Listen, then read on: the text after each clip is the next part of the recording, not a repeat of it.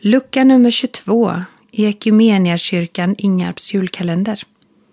Matteus evangeliet kapitel 22 inläst av mig, Karin Ingesson. Än en gång talade Jesus till dem i liknelser. Med himmelriket är det som när en kung höll bröllop för sin son. Han skickade ut sina tjänare för att kalla dem inbjudna till bröllopet, men de ville inte komma. Då skickade han ut andra tjänare och lät dem säga till de inbjudna Jag har ordnat måltiden. Mina oxar och gödkalvar är slaktade och allt är färdigt. Kom till bröllopet. Men de brydde sig inte om det. En gick bort till sina åkrar och en till sina affärer. De andra tog fast tjänarna, skymfade dem och slog ihjäl dem. Då greps kungen av vrede skickade ut sina soldater och lät döda mördarna och bränna ner deras stad. Sedan sa han till sina tjänare Allt är ordnat för bröllopet, men de inbjudna var inte värdiga. Gå ut och ställ er där vägarna skiljs och bjud alla ni ser till bröllopet. Och då gick tjänarna ut på vägarna och samlade ihop alla de träffade på, onda och goda, och bröllopssalen fylldes med gäster. När kungen kom in för att se sina gäster upptäckte han en man som inte var klädd i bröllopskläder.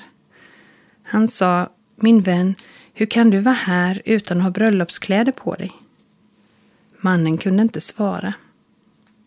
Då sa kungen till tjänarna, bind honom till händer och fötter och kasta ut honom i mörkret där ute. Där ska man gråta, skära tänder Många är bjudna, men få är utvalda. Då gick fariseerna bort och kom överens om att försöka få fast honom för något han sa.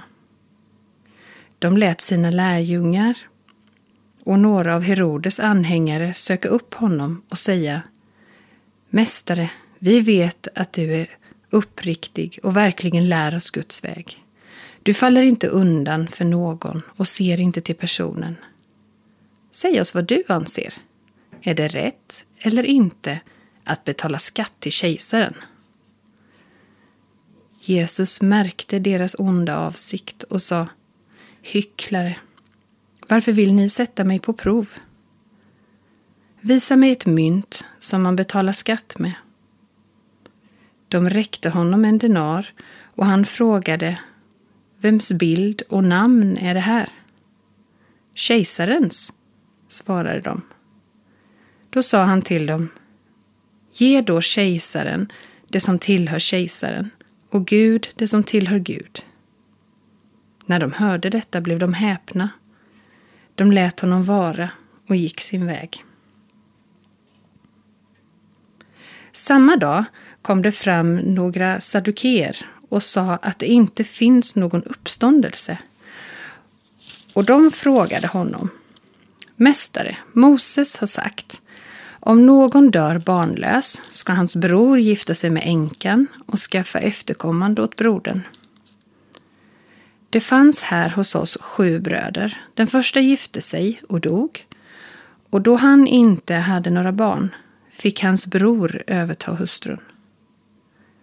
På samma sätt gick det med den andra och den tredje och med alla sju. Sist av alla dog kvinnan. Vem av de sju blir hon hustru till vid uppståndelsen? Alla har ju varit gifta med henne. Jesus svarade. Ni tänker fel, därför att ni varken kan skriften eller vet något om Guds makt. Vid uppståndelsen gifter man sig inte eller blir bortgift, utan alla är som änglarna i himlen. Och vad de dödas uppståndelse beträffar så har ni väl läst att Gud har sagt till er Jag är Abrahams Gud och Isaks Gud och Jakobs Gud. Gud är inte en Gud för döda utan för levande. När folket hörde detta häpnade de över hans undervisning. När fariseerna fick höra hur han hade gjort saddukeerna svarslösa samlades de och för att sätta honom på prov frågade en av dem, en laglärd. Mästare, vilket är det största budet i lagen? Han svarade honom. Du skall älska Herren din Gud med hela ditt hjärta och med hela din själ och med hela ditt förstånd. Detta är det största och första budet. Sen kommer ett av samma slag. Du ska älska din nästa som dig själv. På dessa båda bud vilar hela lagen och profeterna.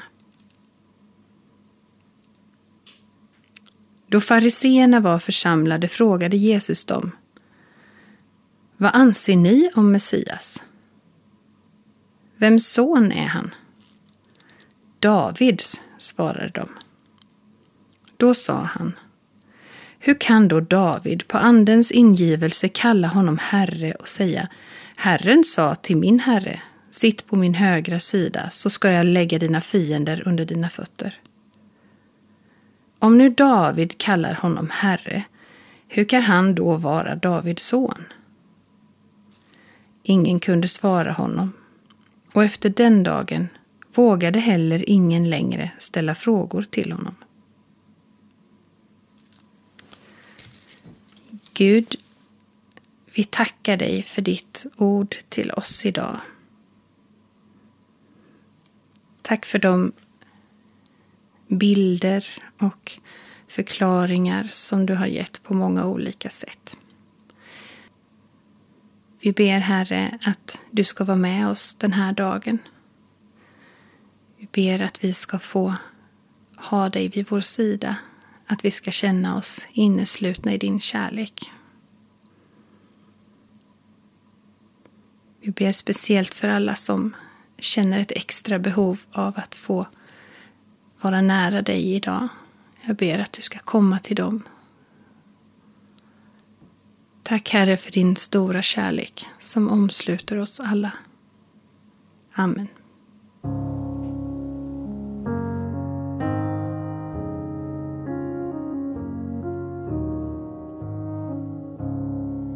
In Christ alone my hope is found.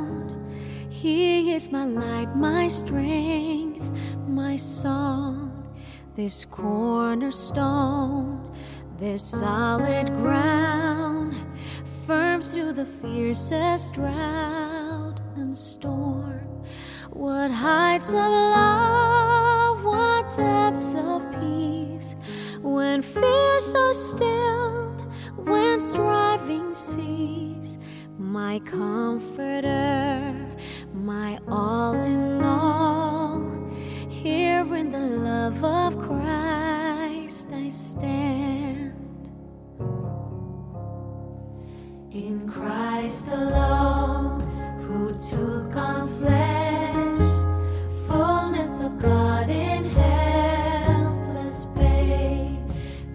gift of love and righteousness.